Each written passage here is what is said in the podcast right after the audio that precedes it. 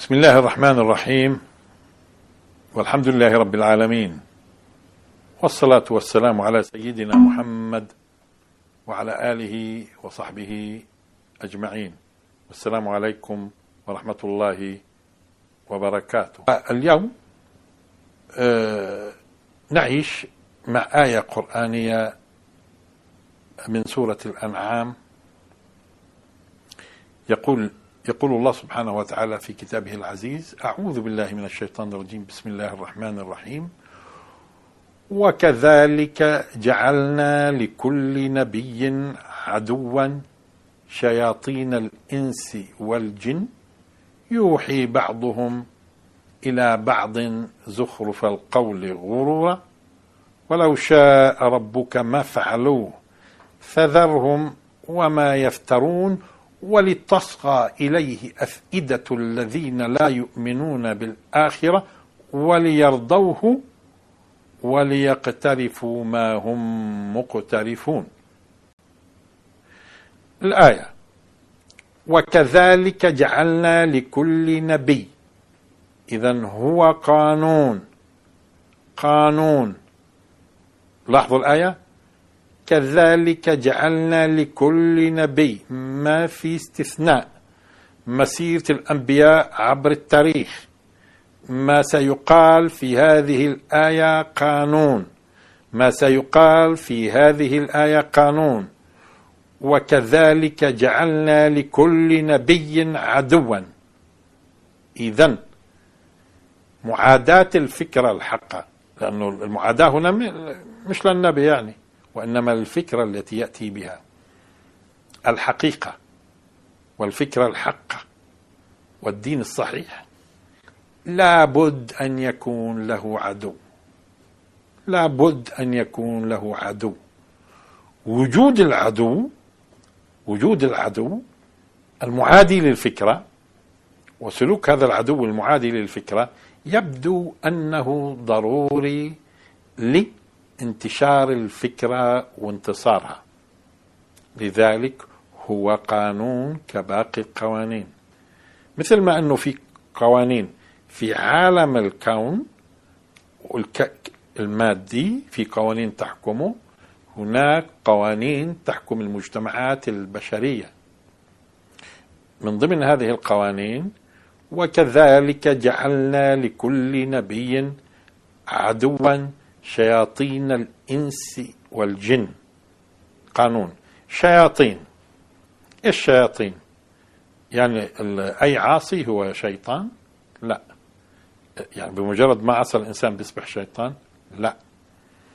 وإنما عندما يصبح الإنسان مثلا كينونته أنه ينفر من الحق ويميل إلى الباطل كينونته سلوكه اليومي خيالاته امانيه تستفز الطاعات ويستريح للمعاصي. هذا لما بيصبح بهذا الشكل ويصبح صاحب لواء يرفعه لنشر الفساد في الأرض الذي يراه هو الحق. وإذا قيل لهم لا تفسدوا في الأرض قالوا إنما نحن مصلحون. لما بيوصل الإنسان إلى هذه الدرجة أما كيف يصل إلى هذه الدرجة؟ مش وقته الآن. عندما يصل الإنسان إلى هذه الدرجة يمكن أن يطلق عليه شيطان لأنه أصبحت كينونته. إذا مش قضية أنه مجرد بيعصي. وهناك عندنا الإنسان مخلوق مكلف والجن مخلوق مكلف. إنه يراكم هو وقبيله من حيث لا ترونهم. وله قدرة على الاتصال فينا عبر الوسوسة.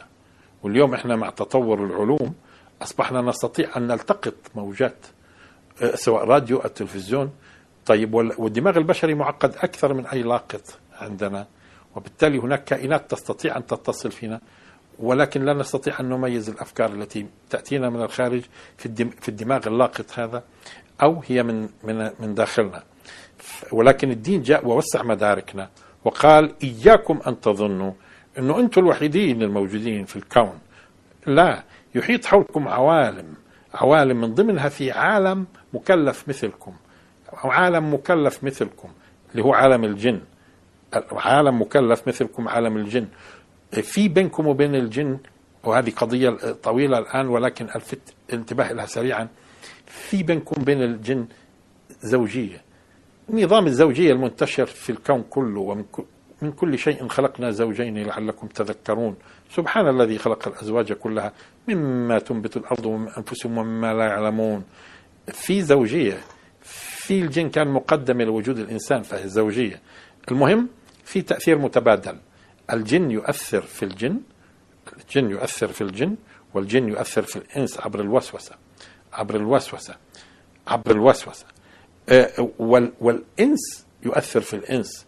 شياطين الإنس عندهم وسائل وسائل لمسح الأدمغة والإيحاء والإيحاء في الأفكار وفي غرس الأفكار وفي استنباتها. الإنس أخطر. الإنس أخطر من الجن. الإنس ممكن يوسوس لك على خمس قنالات حواسك الخمسة ثم يلقي في أدمغتك أفكار. الإنس. وبما أن الجن يرانا من حيث لا نراه إنه يراكم هو قبيله من حيث لا ترونهم فممكن عم بتعلموا منا كمان لأنه الإنسان أقدر على التحليل والتفصيل. التفاصيل هاي كلها. ممكن هم يستفيدوا منا نحن أيضا فبالتالي في تأثير متبادل. وكذلك جعلنا لكل نبي عدوا شياطين الإنس والجن يوحي بعضهم إلى بعض. الإيحاء فيه إخبار خفي إخبار خفي. مثلا الوسوسة نوع من الإيحاء الخفي. يوحي بعضهم إلى بعض زخرف القول غرورا. يوحي بعضهم. نشوف يوحي بعضهم. هو لما بدك. أنت تغرس فكرة كيف ممكن إنك توحي بهذه الفكرة؟ اليوم اليوم وسائل عند البشر لغسل الأدمغة ممكن متفوقة كثير على شياطين الجن. شياطين الإنس اليوم أقدر عندهم وسائل الآن لمسح الأدمغة واليوم اليوم مسح الأدمغة علم من العلوم المتطور، كيف أنا أوحي للناس؟ كيف أوحي للناس بالأفكار؟ كيف أسير الناس؟ أجعلهم يتحصل لديهم قناعات اللي أنا أريد. كيف أزيف الحقائق تزييف الحقائق كيف أزين الفكرة وأخرجها بثوب جميل بحيث يتقبلها الإنسان لأنه الفكرة القبيحة تماما زي ال نقول عجوز قبيحة بدي أسوقها. بزين بزين. ولذلك القرآن إيش قال؟ شياطين الإنس والجن يوحي بعضهم إلى بعض. زخرف القول. إذا هو قول في حقيقته قول في حقيقته مضمونه فاسد. الفطرة ترفضه. العقل البشري السوي يرفضه فلا بد من تزيينه. زخرف بتزخرف مشان ندخله. كيف الناس الآن بزخرفوا؟ في الإعلام الإعلام اللي هو السلطة الرابعة الآن وبنستطيع إحنا نزخرف الأفكار والأقوال ونخرجها للسيطرة على الناس وتوجيههم. زخرف القول غرورا. كيف يمكن إنك تخدع الإنسان وتغره وتجعله يعتقد أن الفكرة الفاسده هي فكرة صحيحة فكرة صحيحة. وكيف ممكن أخرجها بثوب جميل بحيث إنه أدخلها له من خلال جمال الصيغة جمال الطرح أه؟ جمال الأجواء اللي بوضع في الفكرة. اذا وكذلك جعلنا لكل نبي عدوا شياطين الإنس والجن. يوحي بعضهم إلى بعض زخرف القول غرورا. ولو شاء ربك ما فعلوه هو قانون إذا لو شاء الله سبحانه وتعالى ما كان هذا. لأن الدنيا دار اختبار وابتلاء. الدنيا دار اختبار وابتلاء. وكيف يختبر الله خلقه؟ كيف يختبر خلقه؟ هذا شأنه. لكن أنت مسؤوليتك أن تنجح في الاختبار. أنت مسؤوليتك تنجح. ولو شاء ربك ما فعلوه إذا نتمنى كثير أنه ما يكون في ناس معادين للفكرة الحقة وخصوصا اليوم يعني وسائل الإعلام المنتشرة هنا وهناك. أحيانا بعض الناس بيكون يعيش في أسى أنه كيف يعني هناك من يسيطر على أفكار الناس ويحاول أن يغرس الفكرة الخطأ في أذهانهم ويستخدم قوته الاقتصادية وقوة الإعلامية لتضليل الناس. كيف بيحصل هذا؟ هذا ممكن يصيب بعض الناس اليأس. القرآن الآن بوضح لك حقيقة. ننتبه للحقيقة هذه التي يوضحها القرآن الكريم. يقول الله سبحانه وتعالى ولو شاء ربك ما فعلوا إذا مش القضية أمانينا نحن. أمانينا أنه يكون في عندنا حياة. ما فيش فيها صراع فكري. ما فيش فيها محاولة إنه ناس بيحملوا لواء الحق. يقابلهم ناس بيحملوا ألويات. باطل كثيرة. هذا قانون في الدنيا لابد أن يكون في كل الأزمان وكذلك جعلنا لكل نبي عدوا شياطين الجن والإنس. يوحي بعضهم إلى بعض زخرف القول غرورا ولو شاء ربك ما فعلوه. فذرهم وما يفترون. اتركهم مع افتراءاتهم. اتركهم مع افتراءاتهم. كيف يعني؟ كيف يعني اتركهم مع افتراءاتهم؟ آه. هون أفضل طريق دائما لنشر الحقيقة. أنت اهتم بأولويات. آه، مين له الأولوية؟ إني أهتم أنا بكل ما يتم افتراءه وكذبه وادعاءاته وأبدأ أمسك كل قضية. كل قضية قالوا كذا وقالوا كذا وقالوا كذا قالوا كذا والرد كذا قالوا كذا والرد كذا وقالوا كذا والرد كذا. ولا إني أنا أفهم الناس الحقيقة أفهم الناس الحقيقة واجلي لهم حقيقة هذه الرسالة التي نزل بها الوحي وجاء بها الرسول صلى الله عليه وسلم. أنا جهدي كله الأصل أن ينصب على على تفهيم الناس آه، الفكرة الإسلامية وغرس الأخلاق الإسلامية والقيم الإسلامية وتوضيح هذا. يعني ما هو الإسلام؟ هذا أولوية أولى. هذا لا يعني إنه أنا ما يكون لي أحيانا ردود وتفنيد. لكن تصور اليوم لو أنت كمسلم بدك ترد على كل الشبهات اللي موجودة في الإنترنت التي تعد بالملايين في ملايين المواقع أو ترد على كل ما يقال في الإعلام في العالم كله وما يفترى إيه، هذا كلام يضيع الجهد. في أسهل من هيك. الأسهل منه أنه أنا أدعو إلى الفكرة الإسلامية بوضوح وتكون عندي حجة وعندي قدرة على أني أوصل أفكاري. هذا أقدم للناس ما هو الحق أقدم للناس الحقيقة. أما قضية متابعة ما يفترون هذه مسألة ممكن تضيع الأوقات وتشتت الجهود. والأصل إذا أنا أعرض فكرتي أنا وهذه هي الحقيقة. هذه هي الحقيقة وهذه هي الفكرة وهذا هو المبدأ. وثبت في الواقع أنه دائما هذا أكثر فعالية. أنه, أنه بدل ما ننشغل إحنا في معارك جانبية في ردود على آه، شيء بيسوى شيء ما بيسواش كما يقولون لا إحنا الأولى أن نعرض الفكرة الإسلامية في تفاصيلها، إيش يقول الإسلام في الاجتماع؟ إيش يقول في علاقة الرجل بالمرأة؟ إيش يقول في الاقتصاد؟ إيش آه، يقول في عالم السياسة؟ إيش يقول في عالم الفكرة؟ إذا اطرح أنت اطرح أنت فكرتك أنت. عندها عندها لا لا تضيع الجهود وتعرف بالفكرة الإسلامية. اذا وكذلك جعلنا لكل نبي عدوا شياطين الإنس والجن. يوحي بعضهم إلى بعض زخرف القول, زخرف القول غرورا. ولو شاء ربك ما فعلوه فذرهم ذرهم وما يفترون. طب ليش أتركهم وما يفترون؟ ليش أتركهم وما يفترون؟ وقلنا مش معنى هذا إنه ما يكونش في ردود لأنه أحيانا أثناء عرضي أنا لفكرتي ممكن يناسب إني أحيانا أرد على شبهات وأنا أطرح الفكرة. ماشي. لكن الأولوية الأولى أطرح فكرتي أبين حقيقة ديني. إيش ديني؟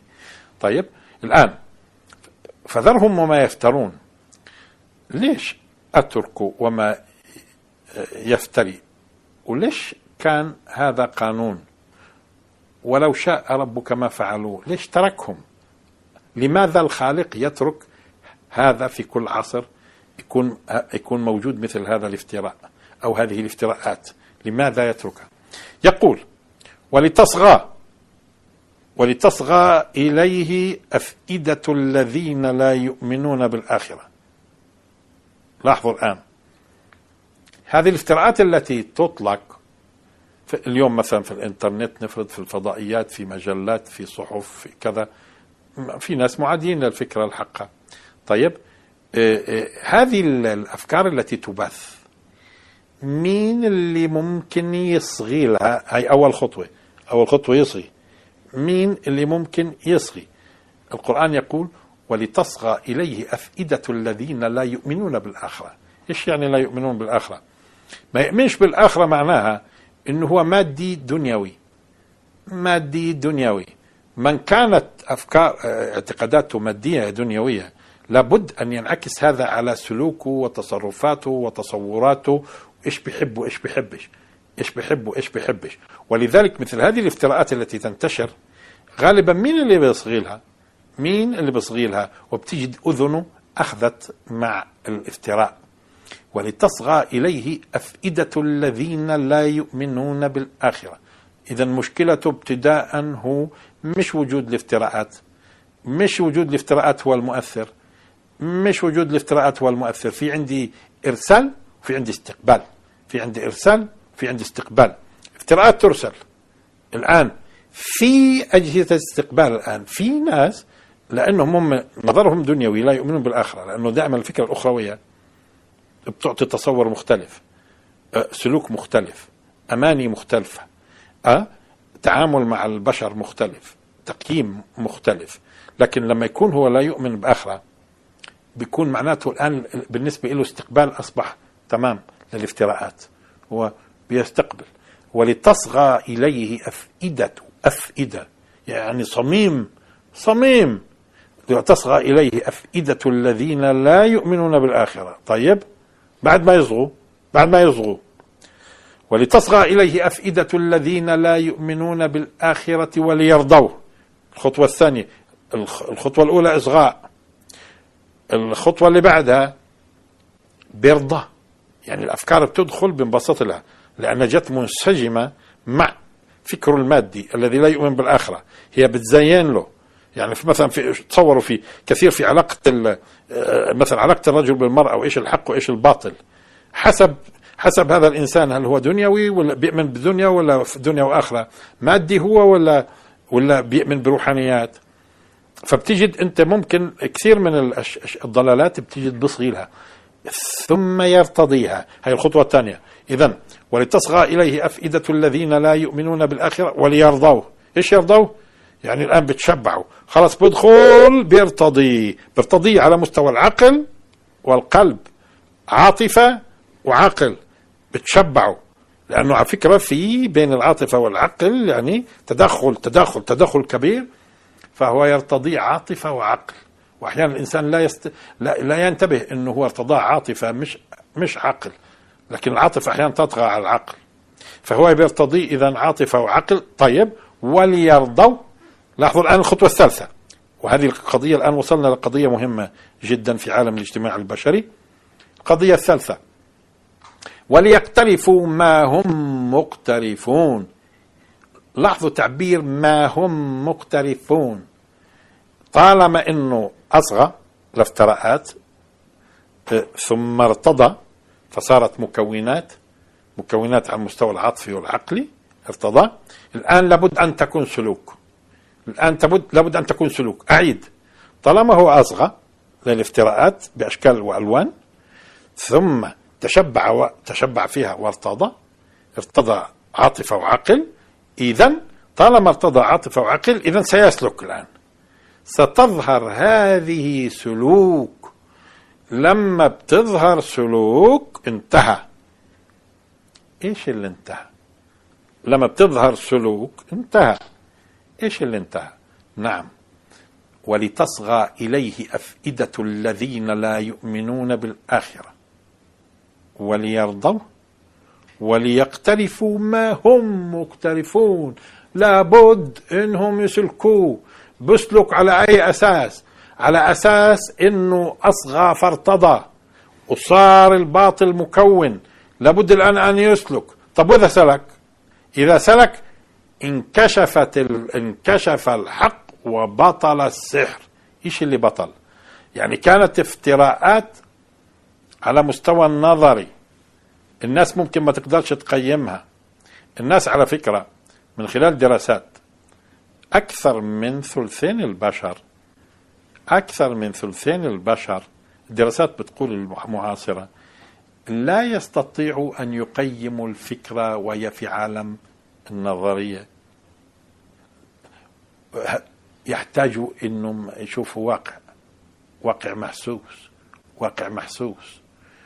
و33% من البشر ثلثهم ثلث البشر ثلث البشر يستطيعوا أن يقيموا الفكرة قبل أن تتحول سلوك واقع قبل أن تتحول سلوك واقع. لكن المية في المية من البشر بتأثروا في السلوك في السلوك. إذا ممكن إذا ثلثين البشر ما يستطيعوا يقيموا الفكرة. ممكن خداعهم على مستوى الفكرة والافتراءات وما يقدروا يقيموا أنه هذه فكرة باطلة.